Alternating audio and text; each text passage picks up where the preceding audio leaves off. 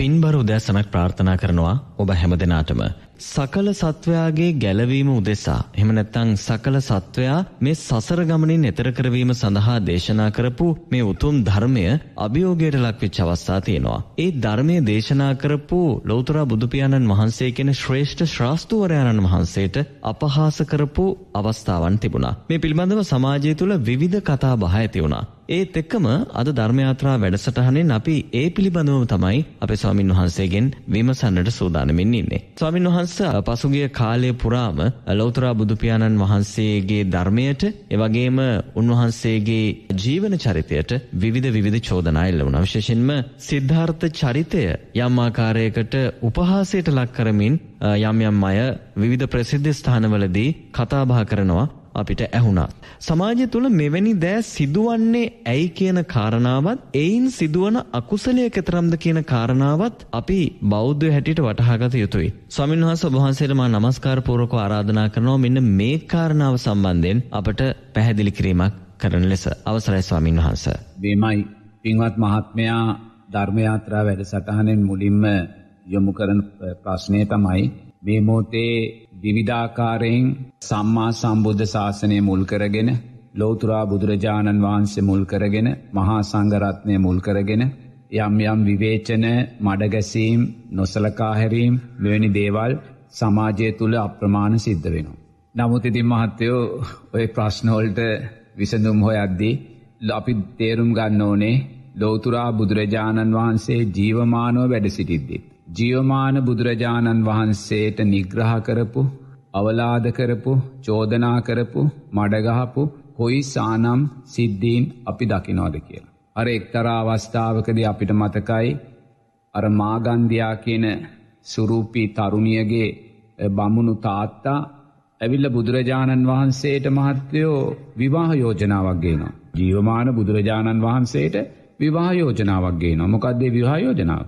තමන්ගේ මාගන්දයා දියණිය විවාහ කළ දෙන්න. දැම් බලන්නකොම බුදුරජන් වහන්සේ ජියවමානුවිද්දී.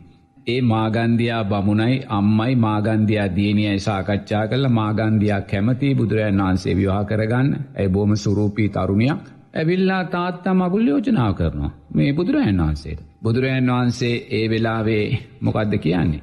ඒ මාගන්දයාගේ සුන්දර රූපය ගැන ඒ බමුණ බර්ණා කරද්දී බුදුරජන් වහන්සේ කියනවා ඒ මාගන්දයාගේ රූපය බුදුරජන් වහන්සේ දකින්නේ අසූචි පිරෝපු කළගෙඩියක් එහෙමතයි බුදුරජන් වහන්සේද වික්‍ර කර. අසූචි පිර වූ කළගෙඩියක් වගේ කියලා බුදුරජන් වහන්සේ දේශනා කළ. ඉතින් ඕක එදා මාගන්දිය අහලා මාගන්දයා ප්‍රතික්ෂේප කලා කියලා දැනගෙන ඒ බුදුරජාණන් වහන්සේත් එක්ක ඇතිකරගත්තා වූ බද්ධ වෛරය මාගන්දයා පස්සේ උදේනි රජතුමාට බිසව වෙලා අර සාමාවතිය ඇතුළු පන්සීයක් එයාගේ සේවිකාවන් මාලිගාව ඇතුළේ දොරවල් අගුළු දාලා ගිනිතියල පන්සීයක් මරාදාලා අවසාන මාත්‍යයෝ එයත් බරපතලු අනතුරකට ලක් වෙලා සමහරට මේ වෙලාවේ නිරේ අප්‍රමාණ දුක්කිින්දිනව ඇති. එනම් මාත්‍යයෝ ජීවමාන බුදුරජාණන් වහන්සේට නිගරු කළත් මේ මෝතේ ජීවමානුව වැඩසිටින ධර්මවිනය නැමති ජීවමාන ශාස්තෘන් වහන්සේට නිග්‍රහ කළත් මහත්තයෝ ඒ නිග්‍රහ කරන අය ගැන අපි කලබල වෙන්න ඕනේ නැහැ. මන්දන්න මත අපි කලබල වෙන්න ඕනේ නැහැ මොකද එවැනි වැරදි ක්‍රියාවන් එවැනි මඩගැසීම් එවැනි අවලාද කිරීම් මාත්‍යයෝ සංසාරයක් පුරාවට කල්ප සියක් කෝටි ප්‍රකෝටි ගානක් සතරාපා දුකම උරුම කරලා දෙන අප්‍රමාණු බරපතලු අකුසල් සංස්කාරයන් බවට පත්වෙනවා. තේන. එනිසා ඉතිං බුදුරජාණන් වහන්සේගේ කාලේ පටන් ඔය දේවල් සිද්ධ වනානං අද එවැනි දේවල් අපිට මේ අහම්බෙහක් නෙවේ පුදුම වෙන දෙයක් නෙමේ තේනත්. ඉති එනිසා අපි දකින්න ඕනේ සමාජය තුළ සද්ධාව වේගෙන් දුර්ලල වෙනවා සද්ධාව දුර්ලනවා කියන සම්මාධිට්්‍යය දුර්ල වෙනවා. ද සම්මාධිට්්‍යය දුර්ල වෙනවා කියන මනුස්්‍යයාගේ අවිද්‍යාව බොහෝම වේගෙන් ශක්තිමත් වෙනවා. එනිසා මනුස්සයා බරපතලාකාරයෙන් තුෂ්නාවෙන් වැඩිලා මනුස්සයා ඇලීම් ගැටීම් දිසාවට යනෝමිසක් කවදාකත් ධර්මය උපේක්ෂාව දිසාවට එන්නේ නැහැ. සංසිඳුණු සිතක් ඇතිකරගන්න මනුස්සයා කැමති තමනුත් යමකට ඇලිලා අනුන්වත් ඒකට ඇල්නස භාවයට අරගෙන යන. තමනුත් යමකට ගැටිලා අනුන්වත් ගැටෙන ස්භාවයට අරගෙන යන. තේන. ඉති ඕව මහත්තයෝ අතීතයේ පටන් සිද්ධ වෙච්ච දේවල් වර්තමානය අහම්භයක් නෙමේ ඒ නිසයි බුදුරජාණන් වහන්සේ අපිට දේශනා කරන්න නිරේතුරුව සත්පුරුෂාශ්‍රය කල්්‍යාන මිත්‍රාශ්‍රය තේන්නත්. මගහැරයෑමෙන් ප්‍රහීන කළ යුතු ආශ්‍රයන් දුරුකිරීමෙන් ප්‍රහීන කිරයුතු ආශ්‍රයන් කළ බුදුරන් වන්සේ අපිට දේශනා කරනවන තේන එවැනි පුද්ගලයින් මගහැරයන්න. තේ නදෙවැනි පුද්ගලීන් දුරු කරන්න. එවැනි පුද්ගලින් ඇසුරෙන් බැහැර කරන්න මොක දෙවෙනි පුද්ගලින් ලෝකෙන් නැති කරන්න අපිට පුළුවන්කමක් නැහැ. ඒක කරන්න කවදාවකත් අපි බුදුරජාණන් වහන්සේත් පිරිනිවන් පාල වසර දෙදා සයිසියක් ගිය තැනයි අපි මේ ධර්මය කතා කරන්නේ. එනිසා එවැනි සමාජක මහත්තයෝ අපි දක්ෂ වෙන්න ඕනේ කවුරුන් ලෝතුරා බුදුරජාණන් වහන්සේට නිග්‍රහ කළත් කවුරුන් සිදුහත් කුමාරයට නිග්‍රහ කළත් චෝදනාවන් කළත් මාත්‍යයෝ ඒ සෑම චෝදනාවක් කරන කෙනෙක්ම හිස් පුද්ගලය කැටියටයි අපිට දකින්න තියෙන. ඒ පුද්ගලයා හෝ ඒ පිරිමි කෙනෙක් හෝ කාන්තාවක් හෝ වේවා අපිට එදා බුදුරජන් වහන්සේ අර මාගන්දයාට උපමා කළ අසූචි කලගෙඩි හැටියට විතරයි අපිට දකින්න. ඊට වඩා දෙයක් එතන නැහැ. බුද්ධියක් ප්‍රඥාවක් තේන්නයි ඒ කිසිම දෙයක් කල්්‍යයාන මිත්‍ර භාවයක් සත්පුරුෂ භාවයක් හොඳ නැරක තේරීමක් කර්මපල විශ්වාසයක් ඒ කිසිම දෙයක් ඒ තැන්ගොල ද අපිට දකින තියෙන මහත්තෝ අර අසූචි පිරවූ මුට්ටි. තේෙන්න්නද ඉතින් එදත් බුදුරජන් වහන්සේට නිග්‍රහ කලා සිදුවත් කුමාට නිග්‍රහ කලා ඉතියේ සාංසාර පුරුද්ධට දැන් සංසාරික පුරුදුද කියල්ද ඇත්ති නොනේ දැන් පෙරජීවිතේ යමෙක් බුදුරජන් වහන්සේ විවේචනය කලානං මරණාසන්න මොහොතේ මොකක්කෝ පුං්ඥ සිතුවිල්ලක් කරි මනුස්ස උපාදානයක් නිසාහරි ආයිමත් මනුස්සෙක් වෙලා ඉප දෙන්න පුළුව. ඒ ඉපදුනාම සංස්කාරපච්චයා විඤ්ඥාන කියනේ ධර්මතාවය තුළ මේ ජීවිතේත්‍යයා යොමුවෙන්නේ බුදුරජන් වහන්සේට චෝදනා කරන්න ඒව හේතු පල ධර්මය. එන ඉදේ නිසා ඔය හැම දෙයක් තුළින්ම මහත්තයෝ අපි දකින්න ඕනේ ධර්මයක් හේතුඵල ධර්මය. එනිසා මේ මොහොතේ අපි මෙවැනි වියරු දේවල් අපි දකිනවානං අපි කල්පනා කරන්න ඕනේ තව අවුරුදු විසි පහක් පණහක් හැත්ත පහක් සීයක් එමනැත්තං අපේ මේ ඊළඟ පරම්පරාවට යද්දී අපිට කොයිසානම් නපුරු නරක වියරු දේවල් දකින්න අහන්න සිද්ධ වේදිගෙන කාරණය. ඉති ඒ නිසා අපිට කරන්න තියෙන කාරණා දෙකක් තියෙනවා එකක් අපි මේ දුක්කිත සංසාරයෙන් එතරෙනවා කියෙන අධිෂ්ඨානයට ඇවිල්ලා මේ බවගමන නිමාවෙන දිසාවට ගමන් කරන හරි ඕ හොයන්න යන්න යන්නේ නැහැ. අපි දන්නවා දවසින් දවස දවසින් දවස සමාජය ගමන් කරන්නේ මුර්ග සංඥාව දිස්ාවට යොතෙන්ට යද්දි මනුස්සයා අකුසලේම පිළිබබුවක් වෙන්න පැ. ඉති අකුසලේම ශක්තියක් වෙන්න නම් මනුස්සයා අකුසල්ලොල්ට යොමු වෙන්න ඕන්. ඉති එනිසා අපේ රටේ ජීවත් වෙන පින්වත් ජනතාව බෞද්ධ වේවා අබෞද්ධ වේවා බොහොම කරුණාවෙන් තේරුම් ගන්න ඕනේ කවුරුන් හෝ ශාස්තෘන් වහන්සේ නමක් විවේචනය කරනවනම් බුදුරජාණන් වහන්සේ වේවා ක්‍රිස්තුත් වහන්සේ වේවා අල්ලා තුමා වේවා ඔයිශ්වර දෙයෝ විශ්ණු දෙයෝ වේවා ඒ ආගම්වල ශාස්තෘරු ඉන්නවා නමුත් මාත්‍යයෝ ඒ තැන් මගහැරලා යන්න. ඒ තම් මගහැරල යන්න එවැනි තැන් මගහැරලා නොගිහින්.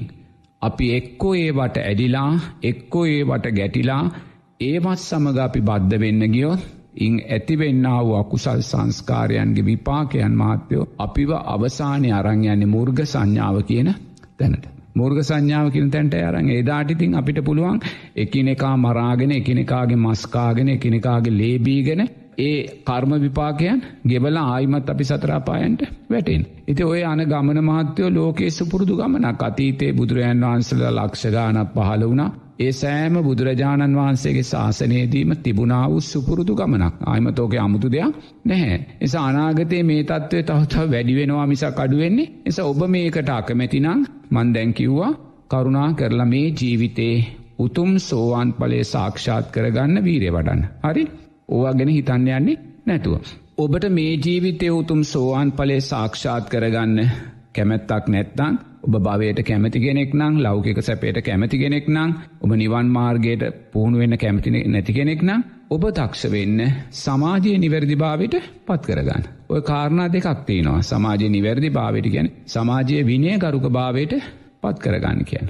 මොකද අදාපිට පේනවා අපේ රටේ දේශපාලනය ගත්තොත් වර්තමාන සමාජය දේශපාලනය නෙමේ අතීතයේ ඉදං දේශපාලනය ගත්තොත් අපේ රටේ ගෞරුවනිය පාලක පින්වතුල්ලා චන්ද කිට්ටු වෙනකොට නැතන් තමන්ගේ පාලනය දුර්වල වෙනකොට තමන්ගේ පාලනය ශක්තිමත් කරගන්න ජනතාව මුලා කරන්න එක ඒක ආගමික උපක්‍රමයන් උපයෝගි කර ගන්නවා. එක ඒක ආගමික උපක්‍රමය උපයෝ කරගන්න. තේන දොට සමහටර අන්තවාදීන්ට උපකාර කරනවා අන්තවාදී ධර්මයන්ට උපකාරි කරනවා. තේන එක පැත්තෙන් ඒ පැත්තෙන් උපකාර කරලා අනිත් පැත්තෙන් මේ පැත්තෙන් ගැලුම්කාරු හැටියට ඒවැ පෙනි හිටින. එකම කණ්ඩාය මේව කරන්නේ. අර පැත්තෙන් අර මේ චෝදනා කරන කෙනාටත් උපකාර කරනවා. මේ පැත්තෙන් චෝදනාව ලබන පිරිසට උපකාරක උපකාරණ මේ උපක්‍රම ශීලීව දෙපැත්තේම සහයෝගයගොල්ලො ලබාගන්න. ඉද මෙවැනි ක්‍රමවේදයන් නිසා තමයි මාත්‍යයෝ විනයක් නැතුව නීතියක් නැතුව බයක් නැතුව තෙන්නද. මෙවැනි සමාජයක් ඉදිරියේ ප්‍රසිද්ධියයේ මාධ්‍ය හරහා මෙවැනි චෝදනාවන් කරන්න තරන් හිත හයිය භාවට අද සමාජීපත් වෙලා තියෙන. එච්චර වෙන දෙයක් නෙමේ එහෙම නැත්තන් ඔවැනි දෙයක් කතා කරන්න මහත්තව බයයි කෙනෙක් තේෙන් අද ප්‍රධාන මාධ්‍යයක් ඉස්සරා මේ මුළු ලෝකෙම ගරු කන ශාස්තෘන් වහන්සේ නම තේන්න. මේ අපේ රටේ බහුතරයක් ජනතාව මේ සරණගිය ශාස්තෘන් වහන්සේ නමකට ඒ විදියට පීඩා කරන්න මහත්තයෝ කෙනෙක් තුළ බියක් ඇති වෙන්න ඕනේ. ඒ එහෙම නැත්තම් මානසික රෝගී වෙන්න ඕනේ. ඔය දෙකින් එකක් තේන්න. තුර අපි දන්න ඔහොම කරනය මානසික රෝගී නෙමේ තේන මානසික අවුලට පත්වෙච්ච ඇතන බුදුරන් වන්සේ කියනන සෝවාන් පලට පත් වූ සෑම කෙනෙක්ම කිනම් හෝ මානසික ව්‍යාදීකින් පෙල්වා කියලා. නමුත් මේ ඒ වගේ මේ එක්කෝ මානසික රෝගියෙක් වෙන්න ඕනේ. එහෙම නැත්තම් මහත්‍යයෝ අනිවාරයෙන්ම කවුරුන් හෝ මෙහෙවන්න වෙන්න තේන්න තමන් දන්නෙත් නෑ තමන් කවුරුවර විසි මෙහෙවෙනවා. තේන්න. ඇති එවැනි දේවල් මහත්තයෝ අනාගත සමාජයේ අපිට දිගින් දිගටම බලාපොරොත්තු වෙන්න වෙනවේ.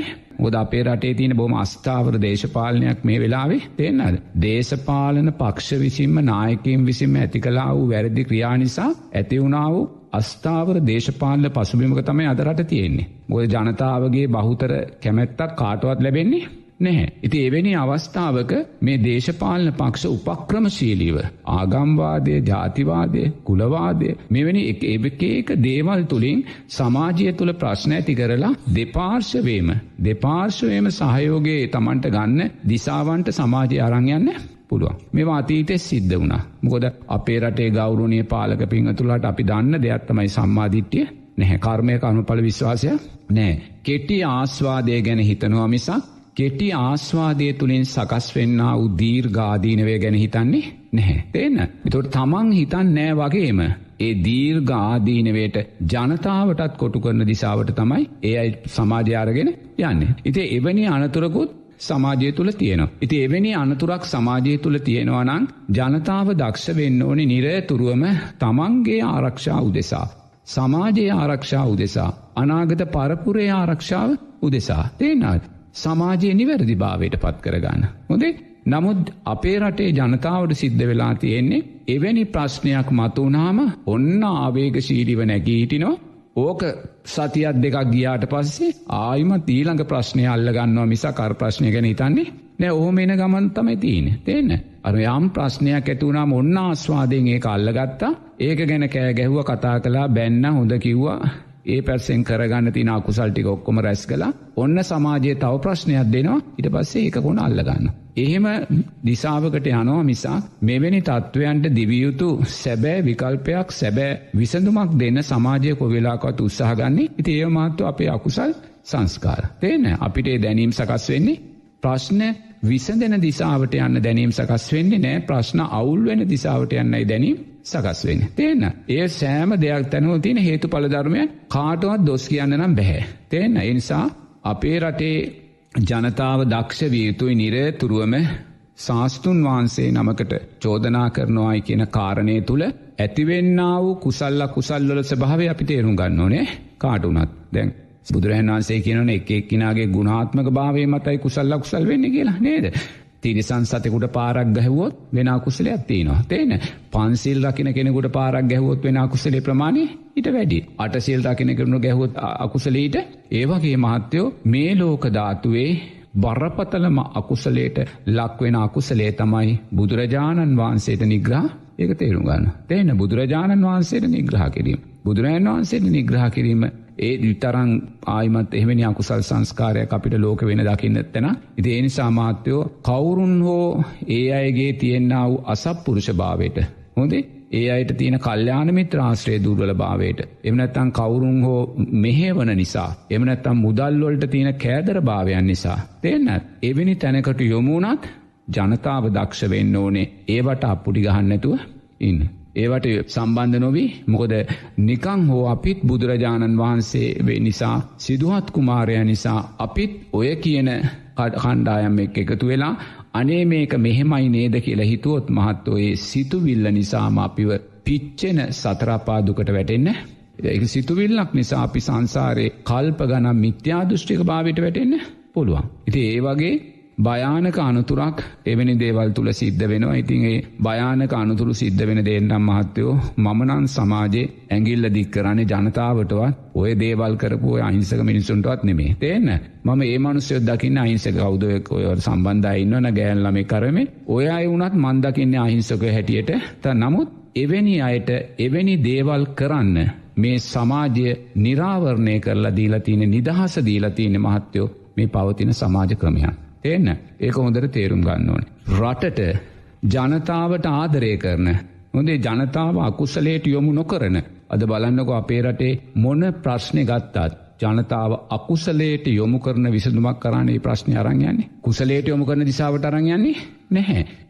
එතුර බලන්නකෝ එහිනම් අපේ රටේ පාලක පිංහතුල්ලා ජනතාවට මහත්තයෝ බුදුරන් වසේ කෙන අම්මතාත්තා දරුවෙකුට මහාබ්‍රක්්මෙක් වෙන්න ඕනි කියලා මෙත්තා කරුණා මුදිතා උපේක්ෂා ගුණයන්ගේ දකින්න ඕන. එන රටේ නායකයෝ ජනතාවට මහා බ්‍රක්්මෙක් වෙන්න ඕනේ. අම්මතාත්ත දෙපල වෙන්න ඕන. ජනතාව කුසලයට යොමු කරන පිරිසක් වෙන්න ඕන. ජනතාව පිනට යොමු කරන පිණිසක් වෙන්න ඕන. ජනතාව සීලයට මෛත්‍රියයට යොමු කරන පිරිසක් වෙන්න ඕන්. නමුත් අපේ සමාජය තුළ ඒ වාසනාව අපේ රටේ ජනතාවට නැහැ. එනිසා අපේ රටේ පාලක පිංහතුල්ලා කරන තරමක් උත්සාහගන්නේ චන්දෙ ලබාගන්නකං ජනතාව වෙනුවෙන් පෙනී හිටලා ජනතාවගේ සුභසිද්ධිය ජනතාවගේ යහපත ජනතාවගේ පින ජනතාවගේ ලෞකික සැපය උදෙසා පෙනී හිටලා බලය ගත්තට පස්සේ කරන තරමක් කරන ජනතාව අකුසලේට යොමු කරන ජනතාව දුස්සීල භාවයට යොමු කරන ක්‍රියාවලියන්මයි. එන මතු දැම් ජනතාව මේක තේරුම් ගන්න ඕනේ. එමනතු මේ සමාජයේ තැන්තැන්වල වෙන සිල්ලර දේවල් අල්ලගෙන අපි තවතාව අකුසල් කරගන්න එක නෙමේ කළ යුත්තේ. බුදුරන් වන්සේ කියන පලේට ඇගිල්ල දික් කරන්න එපා. පලේ දැකල කෑගහන්න එපා පලේට චෝදනා කරන්න එපා. මේ පලේ ඇතිවෙන්න හේතුව හොයාගන්න. තේන පලේ ඇතිවෙන්න හේතු හොයාගන්න. දැ මෙතනයි බුදු දහමේ මුල හේතු පල ධර්මය බුදුරන් වන්සේ හැමතනම දේශනා කරන්න. එතුන මේ මෙවැනි පලයන් සමාජයට එන්න. තේන? දැම් බලන් දැන් ආයිමත් මේ අලුතෙන් ඇවිල තිනවා අලියෙක්ගේ ප්‍රශ්නයක්. සුන්දර ඇතෙක් ඔය ඇතා ඒ අතාට කරන්න තියෙන සාත්තු කරලා නෑ එක පාර්ශවයක් කියනවා. සාත්තු කරලා නෑ ඇතාගෙක තුවාලොල පනුව ගහලා ඇතාගේ කකුල කැඩලා එක ඒක දේවල් එක පාර්ශවයක් කිය. අනිත් පාර්ශවය කියනවා මම අපිට කරන්න තියෙන උපරිමයෙන් ඇතාට සාත්තු කලා කියලා. එතොට දැන් අවසානය මොකක්ද වෙලා තියන්නේ මේ සුන්දර ජාතික වස්තුවක්. එක ජාතික වස්තුවක් නමාත්‍යයෝ ඒ සතා දකිද්දී ඒක ජාතික වස්තුවක්. අවසාන ඒ රටා අපේ රටින් පිටට යනවා. බලන්නකො දැන් අපේ ජාතිය මොන තරන්නම් මහත්තයෝ දුර්වල ජාති ඇද කියලා. ඒ අලිය දකිද්දි අපි දකින සෞභාග්‍ය. කන්න දුන්නද නොදුන්නද වෙදකං කලේ නැද්ද කියන කාරණය දැන් අපිට අදාළ. දැයි ප්‍රශ්නොක්කොම අතීතයට ගිහිල්ලනේ. ඒ ඔක්කොම ප්‍රශ්න අතීතයට ගිහිල්ලා. එන දැන් අපි මොකක්ද කරන්න ඕනේ? මෙච්චර දවසක්ගේ ඇතාට සල කළ නැත්තා ද රජයක් ඉන්නවනේ. තේද? ඒ ඇතා පිටරටකින් රජයට පරිත්‍යයා කරපු ඇතෙක්නේ. ස්වාමින් වහන්සේ කෙනෙකුට පරිත්‍යයා කරපු ඇතෙක්.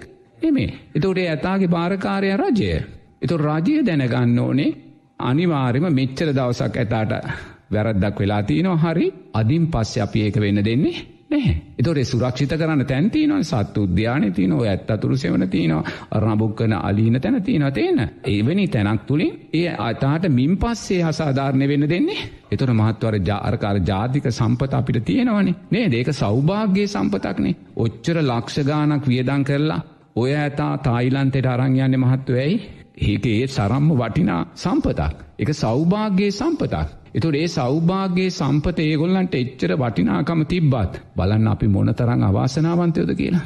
අපි මොනතරං අවාසනත් රජයේ එවෙනුවෙන් වචනයකොත් කතා කරන්නේ නැහැ. ඇයි ඒ ඇයි කතා කරන්න ඇත්තේ. රජයේ නායකයෝ පෙරහැර සංස්කෘතියට කැමති හොඳට තේරුම් ගන්න ඕනේ. මේව යට තියෙන දේවල්. රජයේ නායකෝ පෙරහැර සංස්කෘතියට කැමති නැහැ. ඒගොල කියන අලි දැම්වල්ලොලින් බඳන්න හොඳ නැහැ කියලා. නමුත් ඒගොල්ලො හිතන් නැහැ කැලේ ජීවත් වෙනාලි දවසකට මොනසා අකුසා කරනාද කියලා. මනුස්සඝාතනය කරනවා ගෙවල් කඩනවා අනුන්ගේ වගාබිම් විනාස මනුස්්‍යයෝ මානසිකව කායිකෝ පීන්ක හිංසනයට පත් කරනවා තේන්න. එතොට මෙවැනි දේවල් තුළින් ඒ සත්වයා කරගන්න උකුසල් සංස්කාර ගැන හිතන්නේ. නමුත් මහත්වය පන්සලේ බැඳල ඉන්න කාලියෙක් ගෙන්ත්ව සංස්කාර ඇස්සෙනවාද අපිත් මහත්ව වැඩ ජීවිතය වැඩි කාලයක් කැලවල්ලොන්න හිටිය අපි දන්නවා අලියෙක් දවසකට රැස් කරන අකුසල් ප්‍රමාණය එක ගමක හිටියොත් මන්දන්න ඔය ගමේ අඩුම ගානේ හොඳේ කුඹුරු වගා කල්ල තියෙන කාලෙට මහත්තයෝ ගෙවල් පණහක් තියෙනවනම්. අවම වශයෙන් විසි පස් දෙනෙක් එල්ලි වෙනකං නිදිවරෝනවා. නිදාගන්නේ නැහැ එල්ලි වෙනකන් නිදිවරනවා තේන්න එතොටේ නිදිමරන්න කේන්තියෙන් දේශයෙන් පලිගැනීමෙන් තේන්න රචින්න අතේ තියාගෙන අරලි අලිඩෝන් අතේ තියාගෙන තේන්න එතකොට මහත බලන් ඔය අලියෙක් එක දවසකට එක ගමේ කීදනෙ කකුසලට යොමු කරනවාද කියලා. ඒ මිනිසුන් රෑට නින්දක් එක දවසද නැහැ අස්වැන්න දෙන මාස තුනේම සමහරුවිට ඉදිවරාගෙන. එතොට බලන්න ඒ අලියෙක් මහත්තයෝ මොනසා අකුසල් කන්දරාවක් කරගන්නවාද කියලා. මොනසා අකුසල් කන්දරාවක් කාටද මේ පීඩා කරන්න කාර්ද පීඩා කරන්නේ මනුස්්‍යයාට තිරසන් සතාට නෙමේ බුදුරන් වහන්සේ කියනවා දුස්සීල පෘතක්ජනයාට. හරි දුස්සීල පෘතක්ජනයාට දෙන බත්වේලක ආනිසංස දාහක් තියෙනවා කියලා. තේන. එන දුස්සීල පෘතක්ජනයකුට කරන හිංසාවක විපාකයන් දාහක් තියෙනවා. තෙ විපාකයන් දාහක් තියෙනවා. නමුත් මහත්තයෝ ඔය සෑම කැලෑ අලියෙක්ම ඒ අකුසලය නිතරම සිද්ධ කරගන්න. තේන නිතරම සිද්ධ කරගන්න. නිතර මේ අලි එස් සිද්ධ කරගන්න. තේන ඒ වගේ මේගොල්ලන්ගේ හැසිරීම හැම්වෙලාම රංචුවට වැටිලා රැලේට වැටිලා රණ්ඩු වෙලා රමරු අලි කෑගහනෝ වෛරෙන් එලි මහා දෙදරන්න කෑගහනවා. හොඳ අපිට තේරනම කේන්තියෙන් නැත්තන් රාගෙන් කෑගහන්න කියලා තේන. නමුත් මාත්‍යය ඔය පන්සලේ බැඳලී නැත් අයිතාහෝ අලියගෙන් ඔය අකුසල් සිද්ධ වෙනවාද නෑන මහත්තයෝ. ළඟටාපු මිනිියකුටත් හොඳේ නවනවානේ. ස්වාමින්වහන්සේ දන කිව්වාම දනගහනවානේ සමින්නාන්සේ වඳන්න කිවවා වන්දනා කරනවානේ. එතු රෙන බලන්න මේ කැලෑ අලියයි පන්සලේ අලියයි දේවාලය අලිය ඇතර තින වෙනස තේන්න. ගුණාත්මක භාවය තුළින් එතෝට කැලෑ අලියකුට කවදක්වත් මැරිලා නැවත මනුස්සෙක් වෙන්න බෑමොක දේගොලු දේශය තුළ ජීවත්වෙන මනුස්ස හිංසනය තුළ මැරිලා භූතාලියෙක් වෙලා තමයි ඉපදුනොත් නැත්තැන් අලිරැලේම පැටියෙක් වෙලා තමයි ඉපදුනොත් ඉපදෙන්. නමුත් පන්සලක ඉන්න අලියා දේවාලෙක ඉන්න අලියා තෙරුවන් ගැන හැඟීමක් තියෙනවා. දන්නේ නෑ යා තේනත් නමුතේ අඳුනනවානේ නේද? මේ චෛත්‍යය කියලා අඳුනනවා. මේ ස්වාමීන් වහන්සේ කියලා අඳුනනවා. තේන මේ බෝමලුව කියලා අඳුනනවා. මේ මේ සිල්ලැත්තෙක් කියලා අඳුනනවයා කැඹුරෙන් තේරුම් අරගෙන නෙමේ තේන රූපය තුළින් අඳුරනොයා එනිසා ඒයට ගරු කරනවා එයට හිස නමනවා. ඉති ඒ නිසා මහත්‍යයෝ පන්සලක දේවාලකින් අලියෙක් තුළින් සිදවෙන්නාව අකුසල් කියන කාරණය අරාලියකුට වඩ අලියරු සීයට සීයක්නම් මෙයාට ඔන්නන් සීයට දෙකක් තුනක් වෙන්න පුළුව. එතුර බලන්න එතන පරතරේ. නමුත් මේ දැක්ම දකින්න ධර්මානුකූල දැක්මක් අපේ සමාජයට අපේ නායකන්ට නැහැ. එතුර අපේ නායකනුත් හිතනවා අල්ලි දම්වැල් දාල බැඳල තියන්න ඕනේ නැහැ කියලා. අලි දැම්බල් හල බැඳල තියන්න අලියගේ කකුල් අතරට දම්බැල් දානමත්ව පෙරහරට යන්න විතරයි. සාමානීන අලියකුට එකකුල නැතන් එකකුලට දම්වෙලත් දාන්නේ මද කිපුණ කාල්ට දානව දං හලතර තේන්න ඒකිතින් කොහෙත් වෙන දෙයක්. නමුත් මහත්තයෝ මේ ඔය අල්ලි ප්‍රශ්නය තුළත් රජයේ තියෙන්න්න වූ දුරුවල භාවය අපි දකින. මුද රජයට අවශ්‍යනෑ මේ ඇත් සම්පත මේ සෞභාග්‍යය සම්පත අපේ රට්ට අයිති කර ගන්න. ඒක රටපටෝලාට එක පැත්තකින් සංඝයාට පහර දෙන තැන්ට එක පැත්ද බලන් පැති කියකින් ගහනවාද කියලා. තේන එක පැත්තකින් ඇතාව රටෙන් පිට කරනවා. තේන අනිත් පැත්තෙන් සංඝ සමාජයටම පහර දෙනවා. සංඝයා අලිට සැලකුයි නෑ කියලා. ඒවට අර දාන දැන්වීමල මිනිස්සු අන්ත විදියට සංඝයාට බයිනවා. තේන්න. සංඝයාට එ පැත්තකින් පහර දෙනවා. ශාසනයට තව පැත්තකින් පහර දෙෙන තව පැත්තකින් පෙරහැර සංස්කෘතියට පැහර දෙනවා. තේන්න. තුර බලන් දැම් මෙවැනි පුංචි සිද්ධියක් තුළ විශාල ප්‍රදේශයක් ආවරණය වෙනවා. එතු දැ මේවාට නායකත්වය දෙන්න පවතින රජයක් මේ රජය විතරනෙම අතීතෙත් එහෙමයි. ම මේක රජයක් ගැන කියන නෙමේ තේන.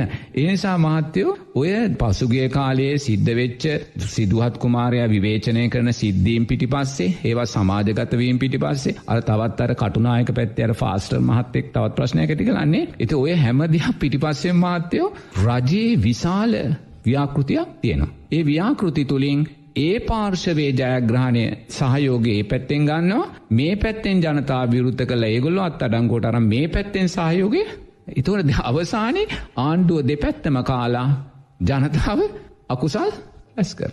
එනම් මාත්‍යයෝ මේවා ආණ්ඩුවෙන්නේ නැහැ. ආණ්ඩුවත් ජනතාවට වග කියන්න ඕනේ. ජනතාව ආරක්ෂා කරන්න ඕනේ. ජනතාව සුගතිය සාක්ෂාත් කල්ල දෙන්න ඕනේ. ජනතාවගේ අනාගත සෞභාග්‍ය බලාපොරොත්තු වෙන්න ඕනේ.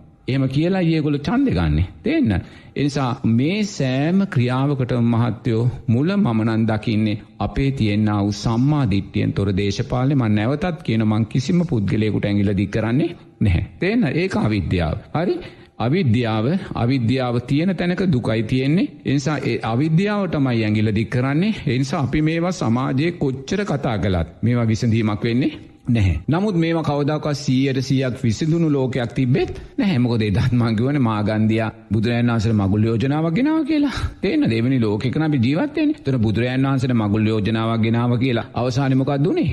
බුදුරජාණන් වහන්සේට මගුල් ගෙන යෝජනාවක් ගෙනාපු මාගන්දයා උදේනි රජ්ජුරුවන්ගේ බිසව උනා එනම් බලන්නකොද ඒ ලෝකෙ හැටේ.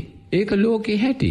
එනිසා ඒ සංස්කාරයන්ට අදාළුවයි ලෝකයේ ක්‍රියාත්මක වෙන්න මොකොද මාගන්දයාට පින තිබ්බා රජ කෙනෙකුට බිසව වෙන්න නමුත් කල්්‍යයාන මිත්‍රාශ්‍රය නැති නිසා මහා මනුස්ස ඝාතන කරගෙන අවසානි නිරයට වැටෙන කුසල් තමයි යාරැස් කර ගත්තේ. එනිසා මහත්තයෝ අපිට පේනවා මේ උත්තම මනුස්ස ජීවිත ලැබපු අපි. හොදේ බෞද්ධ වේවා ක්‍රිස්තියානි වේවා මුස්ලිම් වේවා හින්දු වේවා මේ මනුස්ස ජීවිත ලැබූ අපි මහත්තයෝ ඇත්තම හරිම පුං්ඥවන්තයි. මෙවැනි කාලබකවානුවක මේසා සතරාපායක් අභිබවල බෞද්ධෙක් නම් මේ ලෝකධාතුවේ ශේෂ්ඨ මුපත ලබලා තියෙනවා. තේරන ගොද සම්මා සම්බුද්ධ ශාසනයක හිමිකාරිත්වය ලබල තියෙනවා චතුරාර් සත්‍ය හිමිකාරිත්වය ලබල එනිසා ශේෂ්ඨ මුපද බෞද්ධෙක් ලබල තියෙන. නමුත් අනිත් ආගම් ක්‍රිස්ටියානි හින්දු මුස්ලිම් එවැනි අයත් මේ ලබාගත්තා වූ මනුස්ස ජීවිතය කියන මහත්වයෝ මහා ශේෂ්ඨ ජීවිතයක්. මොකද අරසා සතරාපායක් අභිබවලයි අපි මෙතෙන්ට ඇවිල්ල තියෙන තියෙන්න. නමුත් මහත්තයෝ එහෙනම් අපි ඇත්තටම දක්ෂ වෙන්න ඕනේ. අපි මේ ලබාගත්තා වූ මනුස්ස ජීවිතේ වටිනාකම කුමන ජාතියක් වේවා කුමන ආගමක් වේවා තේරුම් ගන්න. නිවී හැනහිල්ලේ තේරුම් ගන්න.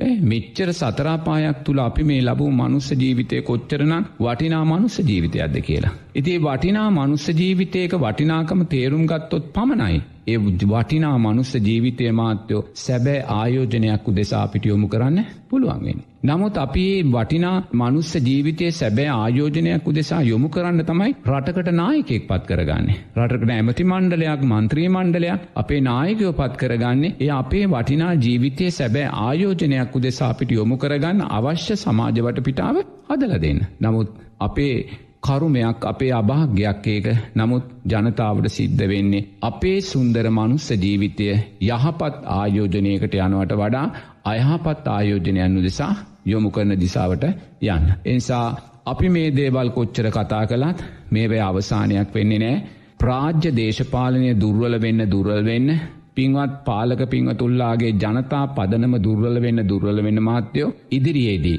මීට වඩා බරපතල ආගමික උම්මාදයන් ආගමික චෝදනාවන් ජාතික උම්මාදයන් ජාතික චෝදනාවන් සමාජගත වෙන්න පුළුවන්. නමුත් ඒ සෑම දෙයක් පිටිපස්සම තියෙන දේශපාලනය එක හොඳට තේරුම් ගන්නවා. එනිසා ඒක පැහැදිලිව තේරුම් අරගෙන සමාජය තුළ කිනම් විවේචනාත්මක තත්ත්වයන් නැතිවුණත් ජනතාව සැබෑ ඉලක්කය හඳුන ගන්න දක්ෂ වෙන්න ඕනේ. මෙම කොතනින්ද එන්නේ මෙම කොතනින්ද මතු වෙන්නේ මේවට කෞුද කැමති මේවැ අවසාන වාසිය ලබන්නේ කෞුද මේ සැබෑ මේ තත්ත්වයන් ජනතාව තේරුම් ගන්න දක්ෂ වෙන්න ඕනේ. එම දක්ෂ වෙලා මාත්‍යයෝ අපිට කරන්න දෙයක් නෑ. මං මෙතනීදං ඔය බුදුරජන් වහන්සේට සිදුවත් කුමාරයට චෝදනා කලා කියෙන ගෑනු දරුවා මට දැන්සී පත්වෙනවා මම සුවපත්තේවයි කියන්නේ. හරි සිදුවත්තුමාට කොයි විදියට චෝදනා කළත් ඈ මම සුවපත්තේවයි කියන්නේ තියන්න අර කටනායක පැත්ද හිටියේ පින්වත් පාස්ටන් මහත්මයා මතක් වෙද්දි මම සුවපත්තේවා කියලයි කියන්නේ මට ඊට වඩා කරන්න දෙයක් නැහැ. මොකද මන් දන්නවා මට සුවපත්වේවා කියද්දි සුවපත් වේවා කියන අර්ථයට අදාළව ආනිසන්සේ කොළහක් මම ලබනවා. එකනෙ බුදුරජාණන් වහන්සේට බැනුපු හේතුව මුල් කරගෙන මම ආනිසන්සේ කොළහක් ලැබවා. බුදුරජාණන් වහන්සේට චෝදනා කරපු හේතුව මුල් කරගෙන මම ආනිසන්සේ කොළහක් කුසල්ලානිසන්සේ කොලාක් ලැබවා. එන මං කියන්නේ ඔබටත් එතෙන්ට එන්න. තියෙන වෙන විකල්පයක් නෑ මෙතන.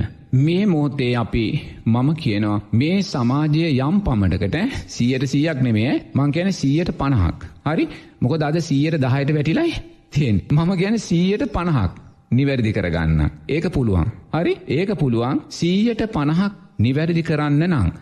ඒ සීයට පණහ නිවැරදි කරන්න කිසිම පාලකයකුට පුළුවන්කමක් නැහොදර තේරුම් ගන්න ඕන. කිසිම පාලෙකුට පුළුවන්කමක් නැහැ. ඒ සීයට පනා මං කියන සියයට පනා සියයට සීයට සීයක් නිවැරදි කරනවා කියන තරම් තැන්ට යනවනම් එයා අන්ත මෝහෙන් පිරිච්ච කෙනෙක් මේ වගේ මේ අවිද්‍යා වැඩි සමාජයකනේ සීයට පණහ නිවැරදි කරගන්න නම් කිසිම පාලකයකුට ඒක කරන්න බැහැ. ඒක කරන්න පුළුවන් සම්මා වායාමයන්ට පමණයි. හරි සම්මා වායාමය සම්මා වායම් ගැනමකද කරන්න වූ කුසල් තව තව ශක්තිමත්ව කරනවා. නොකලා වූ කුසල් අලුතෙන් කරන්න පටන් ගන්න. කලා වූ අකුසල්ලොල්ට යන්නේ නෑ නොකලා වූ අකුසල් අපි කරන්නේ ඔත්තනින් තමයි මහත්තයෝ ජනතාවගේ පුුණ්්‍ය ශක්තිය උත්සන්න පුළුවන්කම තියෙන. ඔතනින් තමයි ජනතාවගේ පුුණ්්‍ය ශක්තිය උත්සන්න පුළුවන්කම තියෙන. ඒ පුුණ්්‍ය ශක්තිය උත්සන්න නං අපි දක්ෂ වෙන්න ඕනේ සිදුහත් කුමාරයාට බයින කෙනාටත් සුවපත් වේවා කියල මහත්තයෝ අපේ ශක්තිය ශක්තිමත් කර ගන්න. බුදුරජාණන් වහන්සේව විවේචනය කරන කෙනාට සුවපත්වේවා කියලා අපේ ශක්තිය වැඩිකර ගන්න. අපේ ශක්තිය වැඩිවුණොත් පමණයි. කුසලේ ශක්තිය වැඩිවුණොත් පමණයි මහත්තයෝ අකුසලේට එක ඔරොත්තු දෙන්න අකුසලේ පරාධ කරන්න ශක්තිය අපිට ලැබෙන. නමුද අපි මොකක්ද කරන්නේ. අකුසලයෙන් ගිලා බහින සමාජය තුළ අකුසලය නිසාම අපි තවා කුසල් කරගන්න. අපි බුදුරජාණන් වහන්සේට චෝදනා කරූ මහත්තුරුන්ට සිදුවත් කුමාරයාට චෝදනා කරපු නෝන මහත්මීන්ලට අපි දවේශ කරලා අපි වෛර කරලා. අපි විවේචනය කරලා. අනුන්ගේ අවිද්‍යාව නිසා අපි අවිද්‍යාව ජීවිතයට එකතු කර. අනුන්ගේ මිත්‍යා දෘෂ්ටික භාවයන් නිසා අපිත් මිත්‍යා දෘෂ්ටික භාවයට අදාළ සංස්කාර පැස් කරගන්න. තියන්න. ඉනිසා ධර්මානුකූලෝ මෙව දකින්න. මේ මොහොතේ කවුරුන් හෝ සිදුහත් කුමාරයාට චෝදනා කළොත් මම කතාගම බුදුරන් වන්සේගේ ශ්‍රාවකෙක් මන් ධර්මානුකූලවයි ඕන ප්‍රශ්නය වි පුත්තර දෙන්නේ. මේ මෝතේ යමෙක් සිදුහත් කුමාරයාට චෝදනා කළොත්. මේ මෝතේ සිදුහත් කුමාරයාගේ නම චෝදනාවට ලක්වෙන්නේ සිදුහත් කුමාරයාගේ අතීත අකුසල් සංස්කාරයක් නිසා. එක තේරුම් ගන්න ඕනේ කවුරු හරි ඔය කටුනායක ඉන්න මහ බර පාසර් මහත්තයා බුදුරජාණන් වහන්සේව විවේචනය කරනවා නං ඒ බුදුරජාන් වහන්සේ කෙනේ උත්තරීතර නාමය මේ මෝතේ විවේචනයට ලක්වෙන්නේ බුදුරජාණන් වහන්සේ බෝධිසත්ව කාලෙ අතීතේ උනාව අකුසල් සංස්කාරයක් මං මේ ධර්මය කතා කරන්න. හරි ධර්මය කතා කරන්න. තියන්න. එනිසා මේවා ධර්මානුකූලව තේරුම් අරගෙන ධර්මානුකූලව විසඳුම් හොයන්න ධර්මානුකූලෝ මේවා සමාජයට පැහැදිලි කරන්න අපි ඇත්තටම අදක්ෂ වෙලා තියෙන මාත්‍යයෝ. ඒ අදක්ෂ භාවය නිසාම විපාක දෙන අකුසල් ඉදිරියේ අපි තව තවත් බලවත් අකුසල් කරායන ජාතියක් බවට පත්වෙලා තියෙන. බලවත් අකුසල් කරායන ජාතිය. ඒ නිසා අදින් පස්සේ උදාවෙන හෙට යහපත් හෙටක් වෙන්නේ දර තේරුම් ගන්නවන්. මේ පැත්තෙන් මේ රටේ දේශපාලනය දුර්වල වෙන්න වෙන්න. දේශපාලන පිංවතුල්ලාගේ බලය ප්‍රශ්නාර්ථයක් වෙන්න වෙන්න. මාත්‍යයෝ ඉදිරි සමාජය මාත්‍යයෝ හරිම උපක්‍රමශීලී හිතාගන්න බැරි දේවල් සිද්ධ වෙන සමාජයක් වෙන්න පුළුව ඒක හොඳින් තේරුම් ගන්නවට එන්න හිතාගන්න බැරි දේවල් සිද්ධ වෙන සමාජයක් වෙන්න ඒ දේශපාලනය අවිද්‍යාවේ ශක්තිමත් භාවේ. තේන. නමුත් මීට මූුණ දෙන්න ශක්තිය අපි ඇති කරගන්න ඕනේ කුසලේ ඒකයි මංකිව්වේ හෙට දවසේ මේ රටට නිවැරදි පාලකෙක් පත්වෙනවනම් පාලකයා පත්වෙන්න පුළුවන් සම්මා වායාමයන්ගෙන් පමණයි. වෙන දෙයක් පිළිබඳ විශ්වාසය තියන්න එපා. තිේන්න. එනිසා හැකිතා කුසලේ තුළ ශක්තිමත් වෙන්න හැකිතා කලා වූ කුසල් ශක්තිමත් කරගන්න නොකලා වූ කුසල් ජීවිතයට එකතු කරගන්න කලා වූ අකුසල්වලින් බැහැරවෙන්න නොකලා වූ අකුසල් නැවත කරන්න එපා තියන්න කුසලයෙන් ශක්තිමත් වෙන්න සම්මා වායාමයන්ගෙන් ශක්තිමත් වෙන් සම්මා වායාමගෙන් ශක්තිමත් වනත් තමයි කළයුත්ත නොකළයුත්ත මොකක්ද කියන සම්මා සති අපිට ඇතිවෙන. තාම අපේ රටේ ජනතාවට සම්මා සතියක් නැහැ. ඇයි සම්මා සතියක් නැත්තේ තාම අපිට සම්මාවායාමයන් පරිපූර්ණ නැහැ. එසා සම්මා සතියයි දැම් මුල් වෙන්න ඕන රටට. අද රටේ ජනතාවට සම්මා සතියකුත් නෑ පාලක පින්වතුල්ලාට සම්මා සතියකුත් නැහැ. තේන්න. හෙට චන්දයක් තිබ්බොත් මේ මෙච්චර කාලයක් හිටපු කට්ටියගෙන් එක්කෙනෙත් තමයි ආයිමත්තිතෙන්ට වැඩක් වෙන්නේ නැහැ වැඩක් වෙන්නේ නැහැ. ඇයි සම්මා සතිය නැහැ. සීලය දුර්ුවල තැනකින් අපිට බෞබෝක සම්පත් ආරක්ෂාවීම බලාපොරොත්තු වෙන්න බැහැ. සීලය දුර්ුවල තැනකින් නැවත රට ජනප්‍රියභාවයක් බලාපොරොත්තු වෙන්න බැහැ. සීලය දුර්ුවල තැනකින් ජාතියන්තරයෙන් එන අභියෝගයන්ට මූුණදීමේ ශක්තියක් බලාපොරොත්තු වෙන්න නමුත් අපිට සම්මා සතියක් නෑ අපි අතීතය කරපු වැරද නැවත නැවතත් කරමි ඇයි සම්මා සතිය ඇයි සම්මා සතිය නැත්තේ සම්මා සතියක් ගොඩනගාගන්න සම්මා සතියක් ඇති කරලා දෙන්න අදාළ සම්මා වායාමයන් අපේ ජීවිතය තුළ නැහැ. එනිසා අපි සම්මා වායාමයන් ශක්තිමත් කරගත්තොත්. ඒ සම්මා වායාමයන් තුළින් කළයුත්ත නොකළයුත්ත හලයුත්ත එකතු කරගත යුත්ත මග නොමග තේරුම් ගත්තොත් මහත්තයෝ අපි ඒකට ගැන සම්මා සති. සම්මා සති ඇති කරගත්ත තැනයි පංච නීවරණ තුනී කරගෙන ලෝකය දිහැ සමාජය දිහැ බලන්න අවශ්‍ය සප්ත බොජ්ජංග වැඩෙන සමාධිමත් හිතක් අපිට. අද අපේ රටේ නායක පිංහ තුල්ලාට සති සම්බෝජ්ජන්ගේ තියෙනවද? නැහැ. මොකද සති සම්බෝජ්ජන්ගේ කියන්නේ? මං ඇවුවොත් අපේ රටේ නායක පිංහතුගෙන් සතිසම් කියල් මොකද ධර්මය කරේ සති සම්බෝජ්ජන්ගේ කියන්නේ? අපේ රටේ දේශපාලනය මහත්තයෝ තේමාපාතය වියුත්තේ. අපේ රටේ දේශපාලනය පූර්වාදර්ශය වියුත්තේ. මොකක්ද දුක හේතුව තුෂ්නාවයි. හරි ඔතන වෙන්න ඕන තේන්න. හෙට මෙහරට ගොඩ නගනවා නං ඒ දේශපාලන නායකයාගේ දේශපාලන පේ පූර්වාදර්ශී වැකිය තේමාපාටය වියුත්තේ දුකට හේතුව තුස් ඔතනයි. තේන්න. දුකට හේතුව තුෂ්නාවයි කියන කාරණය තමයි සති සම්බෝජ්ජන්ගේ මුල් අර්ථය. තියන්න. දුකට හේතුව තුෂ්නාව කියලබනවනං අපි කවදාක්වත් මහත්තයෝ මේ කරන්න වූ ක්‍රියාවන් සිද්ධ කරන්නේ නෑ අපි තාම දන්න දුකට හේතුව තුෂ්නාව කියල. අපි දන්නේ සැපයට හේතුව තුස් ඒකට අයිත්වෙන මිත්‍යා දෘෂ්ටියට. එනිසා අපි එන්නවා මෙතෙන්ට එන්න වෙනවා ඒ එන්න ආයාමයන් ශක්තිමත් කරන්න ඕනි සම්මා වායාමන් ශක්තිමත් කන ඊට කරගන්න සම්මා දිට්ටි ශක්තිමත් කරගන්න. එනමත්තයෝ මහාට කොටසක් තියෙනවා සමාජය තුළින් කරගන්න සමාජයට තේන නිවැරදි වෙන්න නං. නිසා අපිට බැන බැන මේ මේ තව තව අකුසල් කරගන්න ඕන මහත්ව මේක අපිට අපය බලාපොරොත්තු වෙන්න බැහැමකුද සමාජයේ බලවත් ආකාරයෙන් අනතුරටක පත්වෙන සමාජය. ඒන දැම් බුදුරජන් වහන්සේ කියන සුන්දර ධර්ම දියුණුව උදෙසා. රටක අනාගතය උදෙසා රටක සදාචාරය උදෙසා. එන සුන්දර ධර්මයක් තමයි අද ඉපදුන ලැදරියගේ පටන්. වයෝවුද්ධ කාන්තාව දක්වා. ඒ අයගේ ආරක්ෂාව සුරක්ෂිත භාවය ආත්මගරුත්තය රජයක් විසින් ආරක්ෂා කළ බලන් මොනසරන් සුන්දර ධර්මයක්ද කියලා. අද ඉපදුන දැරිය. මොද අද ඉපදුන දැරියයි හෙට මාතෘත්වය බවට පත්. ඒ මාතෘත්වය විනාසුනොත් මහත්තයෝ ඒ සමාජයෙන් ගන්න අර්ථයක් තවත් නැහැ. අද මොකක්ද අපේ මාර්තුත්තට වෙන්න කියලා බලන්න. අද බලන්න මිච්චා ආජීවය මොන්න සානං සමාජගත වෙනවාද කියල බල. අපි කතා කරන්න අර ගෑනුලමය සිදුවත් කුමාරයට බැන්න කියන කාරණය. මීට වඩා දහස් ගානක් මේ ශාසනය විනාස කරන මේ ශාසනය ගිලගන්න මේ ශාසනය අඩපන කරනදගේම දේවල් සමාජය තුළ සිත්තව. මිච්චා ආජීවයට අදාළ එක ධර්මතාවයක් තමයි මිනිස් වෙළදාම. තේන වහල් වෙළදාම. ලිංගික වෙළදාම. අද බලන්න හන්දියක් කන්දියක් ගානය අර සම්බාන ආයතන කියන දේවල් පාලනයකින් තොරව දාල මහත්තයෝ සමස්ත කාන්තා පරපුරම විනාසයට එක පැත්තක විනාසයට පත්. අනිත් පැත්තෙන් තරුණ පරපුර විනාසයට නො වැඩි හිටියද මධ්‍යමද ළමාද කියල නැහැ. තේන. බලන මොනසා කඩා වැටීමක් සමාජයේ කඩා වැටෙනවාද කියල. මේ කඩා වැටීමද මහත්තයෝ බරපතල නැත්තන් අර ගෑනු ළමය සිදුවත් කුමාට බැන්න එකද ශාසන විනාස පැත්තේ. දැම් හොඳට හිතන්න දැම් මේ වතේන්න. එතුර දැන් අරවැනි දේවල් සමාජගත කරන්නේ මෙවැනි දේවල් වසාගන්න. තේන්න මේ හරිම උපක්‍රමශීලී සමාජයම් මේක. තේන අවිද්‍යා දේශපාලනය විසින් ඇති කලා උපක්‍රීශීලී සමාජයක්. එතුර මහතු මම දකිනවා බුදුරජන් වහන්සේගේ ශ්‍රාවකය කටේන. මේ රටේ දේශපාලනය ආසිරිවාදයෙන් මේ සමාජගත වෙන මේ මිච්චා ආජීව රැල්ල මහත්තයෝ අර ගෑනුළමයා සිදුවත් කුමාරයාට කරන නිග්‍රහයට වඩා බලවත් විනාසයක් ශාසනාර්ථයන්ට කරනවා.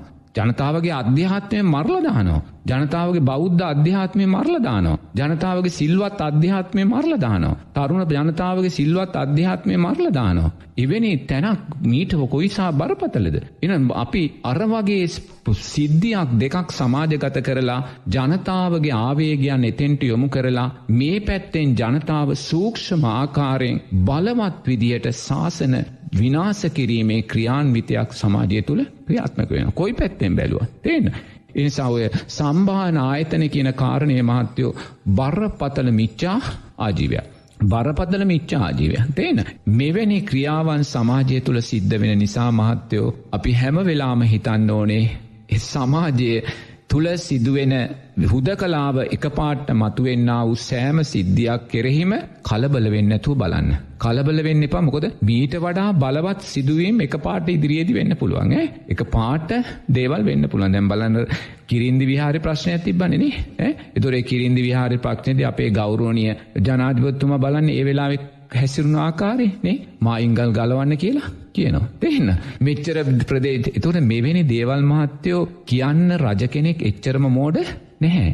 රජගෙනෙක් කියන කෙන එච්චර මෝඩ නැ මේවා එනම් බරපතල උපක්‍රම ශීලිභාවය තියෙනවා. ඒ බුද්ධිමත් භාවය නිසාමයි එවැනි දේවල් කරන්නේ තියෙන. එක පාර්ශවයක් සතුටු කරලා තව පාර්ශවයක් විරෝධයට තියෙන. ඔය වගේ එකක එකක දේශපාලන සටපක් සටකපටකම් මහතයෝ සමාජය තුළ අප්‍රමාණ සිද්ධ වෙනවා. එනිසා ෂණයෙන් සමාජගත වෙන දේවල් හුද කලාව එක පාට සමාජගතන දේවල් අනාගතයේදී ගොඩාක් ආගමික ප්‍රශ්න ඇතුරෙන් මතුවෙන්න පුළුවන් ජාතික ප්‍රශ්න ඇතුරෙන් මතුවෙන්න පුළුවන්. එනිසා අපි දක්ෂ වෙන්න ඕනේ ඉදිරියේදී ඔය ගෑනු ළමයි එලියට ඇවිල්ල කොච්චර බුදුරජන් වහන්සේට චෝදනා කලා සිදුහත් කුමාර චෝදනා කලා එමනත්තන් ධර්මයට චෝදනා කරා කියන කාරණොල්දි මේවැ මුල පලය නෙමේ හේතුව මතු කරලා දකින්න හේතුව මතු කල්ල දැකළ මං බොහොම කරුණාවෙන් ඉල්ලනවා මේ රටේ සියලූම සිංහල බෞද්ධ මුස්ලිම් සියලූම සහෝදර ජනතාවගෙන් අපි සියලු දෙනාම එක මම්ම කෙනෙක්ගෙ දරුව අයිමත් අපේ වෙනසක් නෑ. අපි ජාති වශයෙන් ආගම් වශයෙන් අපි වෙන් බව ඇත්ත. නමුත් අපි හැම කෙනෙක්ම පෝෂණය වුණේ මේ එකම මාතෘභූමියේ මේ එකම අම්මගෙලෙයින් එනිසා අපි සෑම කෙනෙකුටම සහෝදරත්වයෙන් අත්වල් බැඳගත්ත වගකීමක් තියෙනවා යුතුකමක් තියෙනවා අපි සෑම කෙනෙක්ගෙම අනාගත පරපුරු දෙසා. බුදුරජන් වහන්සේගේ ශ්‍රාවකය කැටින් මේ සම්මා සම්බුධ ශාසනය හෙට දවතු දෙසා. මේ මාතෘභූමිය ආරක්ෂාකොට තියන්. තේන මේ රට ආරක්ෂාකොට තියන්න. තේන මේ ජනතාව තවදුරටත් අකුසලයෙන් විනාස කරලා බරපතල ආකාරයෙන් සමාජය විනාසකාරී දිසාවට ඇරගන්න නැතුව මේ රට යම් ප්‍රමණකට හෝ කුසලයෙන් ආරක්ෂාකොට තබන්න. ඒක බෞද්ධයාට විතරක් තියෙන අයිතියක් නෙමේ. ඒක මේ රටේ ඉන්න සෑම මුස්ලිම් ද්‍රවිඩ හින්දු ක්‍රිස්තියානි බෞද්ධ මේ හැම කෙනෙකුමම පූර්ණ අයිතියක්. එනිසා බුදුරජාණන් වහන්සේගේ ශ්‍රාවකය කැටියට මම බෝහම පැහැදිලිව කියනවා සමාජගත වෙන ප්‍රශ්න ඉදිරියේ කරුණා කරලා පලය පිටිපස්සේ හබා යන්න එපා. පලය පිටිපස්ස හබා බියෑමෙන් ප්‍රශ්න විසඳන්න බෑ නිසා පලය ඇතිවෙන්න හේතුව මතු කොල්ල දකින්න. පලය ඇතිවෙන්න හේතුව. පලය ඇතිවෙන්න හේතුව තමයි නිරතුරුවම මේ බලයට කෑදර අපේ රටේ පක්ෂ දේශපාලනි. එම නැත්තම් බලයෙන් දුර්වල වෙන පක්ෂ දේශපාලන. ඉති ඒ නිසා මේ දේශපාලන පිංහ තුල්ලා ඒගොල්ලන්ගේ පැත්තෙන් ඒගොල්ලු සාධාරණය. අපිට ඒගොලන් දොස් කියන්න ඕන කෙනෙ බලය ගිරිහෙනකොට බලය තරකරගන්න ගන්න තියෙන උපක්‍රම සියල්ලම ගන්න ඒක ඒගොල්ලන්ගේ හැටියක්. ඒක මට මුබ දොස් කියන්න බෑ. මත් දේශපාලක්නය කුණාන ධර්මය නොදන්න. මමත් එතෙන්ට යනවා. එනිසා ඒ ඒගොල්ලන්ට දොස්කීමක් නෙමේ එකැනෙ ඒගොල්ලන්ගේ අනතුරල් අපි අනතුරට ආයුතු නැහැ. එනිසා අපි දක්ෂ වියතුයි ඒ අහිංසකයනුත් බේරගන්න. මොකද මං මෙතන ඉදන් දකිනවා අපේ රටේ දේශපාලනය කැන මොන තරන්නම් අහිංසක භාවයක්ද කියලා. අයිංසක කියන්නේ එච්චරටම අසරණයි. අකුසලයෙන්ම අසරණයි. අකුසලයෙන්ම නමුත් ඒ අයත් අපේ එකම අම්ම කෙනෙගේ දරුවෝ. ඒ අයි වෙන්න අපිට දකින්න බැහැ. මේ මොහොතෙත් මට මේ රටේ රාජ්‍ය නායකතුමාවා විපක්ෂ නායකතුමවා විපක්ෂ මන්ත් මම මම දකින සූපත්තේවා කළේ බුදුරන් වන්සගේ ශ්‍රාවකත්වය. එනිසා ඒ සියලු දයම අපේ දරුවෝ. එනිසා අපි මේ කතා කරන්නේ ඒ අයත් වෙනුවෙන්. තියන්න. අපි කැමති ඔබලාත්හෙට නිවැරදි භාවයට පත්වෙනවන. තියන්න මං මේ කතා කරන්නේ අලුත් නායකේ අලුත් පක්ෂයක් නෙමේ අනේ කරුණා කරලා මේ ඉන්න පිරිස මේ කියන දේවල් අහලා තවල් ස්වාමීන් වහන්සේලා විසි පන්දාකිතර වැඩඉන්න රටක් නේද. ඉති ඒ ස්වාමීන් වහන්සේලා කියන දේවල් අහලා. මේ රටේ බුද්ධිමතුන් කියන දේවල් අහලා මේ රටේ රටට ආදරය කරනගේ දේවල් අහලා නිවැරදි වෙන්න. මොකද ඔබලා අද රට විනාස කරන පිරිසක් වුණත් අපි දන්නවා ඔබලා සංසාරයේ මගේම අම්ම වෙලා මගේම තාත්ත වෙලා තියෙනවා. ඔබලා හැම කෙනෙක්ගෙම මන් සංසාරයේ ලේ කිරි කරල බීලා තියෙනවා. ඒ සංසාරික ඥාතිත්වය අදත් අපි දකිනවා. එනිසා අපිට ඔය කායෙක්කොවත් දේශයක් වෛරයක් නැහැ. මේ කතා කරන හැම වචනයක් තුළින් අපි කතා කරන්නේ නිවැරදි කරන්න. නිවැරදි භාවයට පත් කරන්න. නිවැරදි භාවයට පත්. මොකද නිවැරදි භාවය තුළ මහත්තයෝ මේ රට මේ ආසියාවේ දියුණුම රට බවට පත්කිරීමේ ශක්තිය තියෙනවා. මේ ලෝකේ ශේෂ්ඨම ධර්මය දරාගත්ත රට. අද ලෝකේ දියුණු රටක් ඉන්නවනං. ඒ රට දියුණු වනේ සීලෙන්. සීලෙන් දියුණුනේ හොරකංගලේ නැහැ.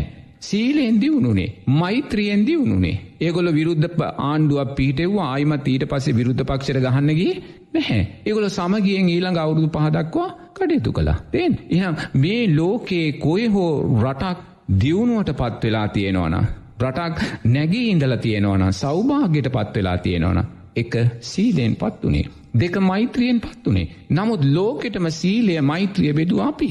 ලෝකෙටම සීලය මෛත්‍රිය බෙදු අපි මොකද මෙතනයි සීලය තිබ්බේ. මෙතනයි මෛත්‍රිය තිබ්බේ. එනම් බලන්නකෝ මුළු ලෝකෙටම සීලය මෛත්‍රිය බෙදුව අපි බින්දුවට වැටිලා අපෙන් මෛත්‍රිය සීලේ ඉගෙන ගත් අය ලෝකයේ පලවෙනිියෝ බවට පත් වෙලා ඉන්නවා. දෙන්න. කවුද වග කියන්න ඕනේ මේ රටේ දේශපාලනේ. ඉනිසා මහත්ව අපිට හෙටක් තියෙනවා. අපි අසරන නැහැ. අපිට හෙටක් තියෙනවා. අපිට අනාගතයක් තියෙනවා. ඒ හෙට අනාගතය ගොඩනගාගන්න සුන්දර ධර්මයක් අපිට තියෙනවා. එනිසා අපි දක්ෂවී යුතුයි. බේද බැහැර කරලා. පක්ෂබේද ජාතිබේද කුලබේද ආගම්බේද බැහැල කරලා. අපි සියල්ලම එකම අම්ම කෙනෙක්ගේ දරුවෙක් කියන තැන ඉඳං. හෙට මේ ඉන්න ප්‍රනිල් වික්‍රමසිංහ මහත්මයා ලෑස්තිනං මේ ධර්මානුකූලෝ ගොඩනගෙන්න්න මහත්තයෝ අනේ මට දෙන්න පුළුවන් අනුශාසනාවෙන් උපරිම අනුග්‍රහය මම දෙනවා. එස පුද්ගලයා කෞදගෙන කාරණය අපිට අදාළ නැහැ. අපි බලාපොරොත්තු වෙන්නේ බුදුරජාණන් වහන්සේගේ සාාවකය කැටියට මට පුළුවන් වුණා මේ උතුම් ධර්මය තියෙන ශක්තිය මේ ධර්මය තුළ තියෙන ගුණාත්මක භාවය පොඩ්ඩක් හෝ සමාජයට කියලා දෙන්න. සමාජගත කරන්න. මන් දකිනවා ඒ තුළින් අප්‍රමාණ සැනසිල්ලක් ලබන අප්‍රමාණ ජනතාව ඉන්න. ඒ බුදුරජන් වහන්සේගේ ශ්‍රාවකයෙක් හැටියට මට කරන්න පුළුවන් උපරිමදේ මම මේ මොහොතෙත් කරනවා මගේ කාලය සමයා රෝගීභාවයෙන් මගේ කිසි දෙයක් බලන්නේ නැහැ. මට බුදුරජාණන් වහන්සේ මගේ සංස්කාරයන්ට අදාළ පැවිල්ලා තින වක්කිම් කොටස මං ඉටු කරනවා. එතෝට ඉටු කරද්දි අපි දකිනවා මේ ධර්මය ඒහි පස්සික ගුණේ අපි දකිනවා. ධර්මය කොයි සානම් මේ ජීවිතේම අපිට අත්දකින්න පුළුවන්ද මේ දේවල්.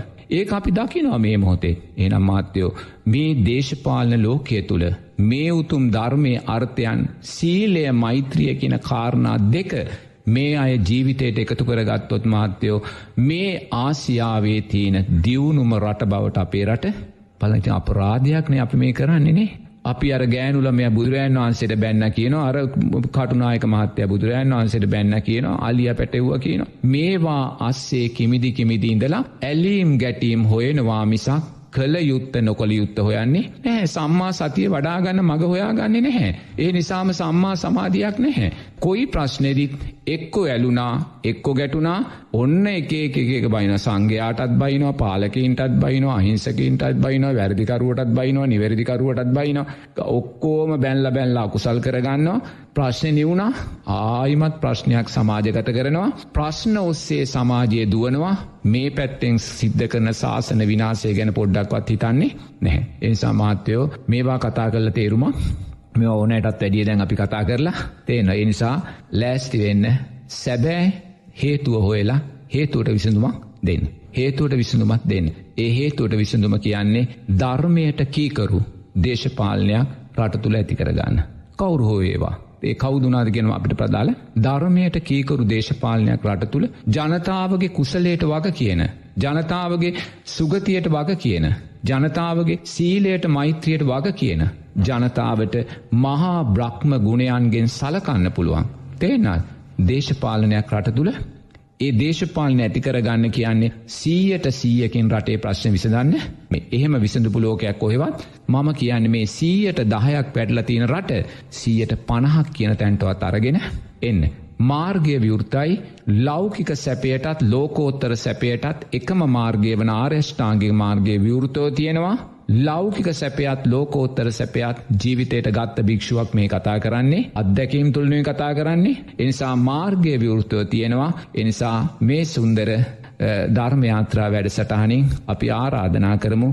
සිංහල මුස්ලිම් ද්‍රවිඩ ඔය සෑම හින්දු බෞද්ධ ක්‍රිස්තියානි මේ සෑම කෙනෙකොටම අපි සියලු කෙනෙ දෙනාම එක මම්ම කෙනෙගේ දරුවෝ අපේ වෙනසක් නෑ අපි ආගමෙන් වෙනස් බව ඇත්ත ජාතියෙන් වෙනස් බව ඇත්ත ඒ අපේ අතීත සංස්කාර සංස්කාරයෝ අනිත්‍යයි. නමුත් අපි ඇස් දෙක පියවෙන්න පෙරාතුව අපි දක්ෂවෙමු බින්දුවට වැටුණු මේ සමාජය නැවතෝසවල තබලා අපි සියලු දෙනාගේම ආගම්වොල ශක්තිය. ඔබලා සියලු දෙනාගේම ශාස්තෘන් වහන්සේලාගේ ශක්තිය නගාහිටවල ඔසවල තියලා ඇස් දෙක පියාගනිමු කෙන කාරණය මේ සුන්දර ධර්මයාත්‍රා තුළින් මේ මොහොත්තේ මෙස් සිතින් මතක් කරනවා.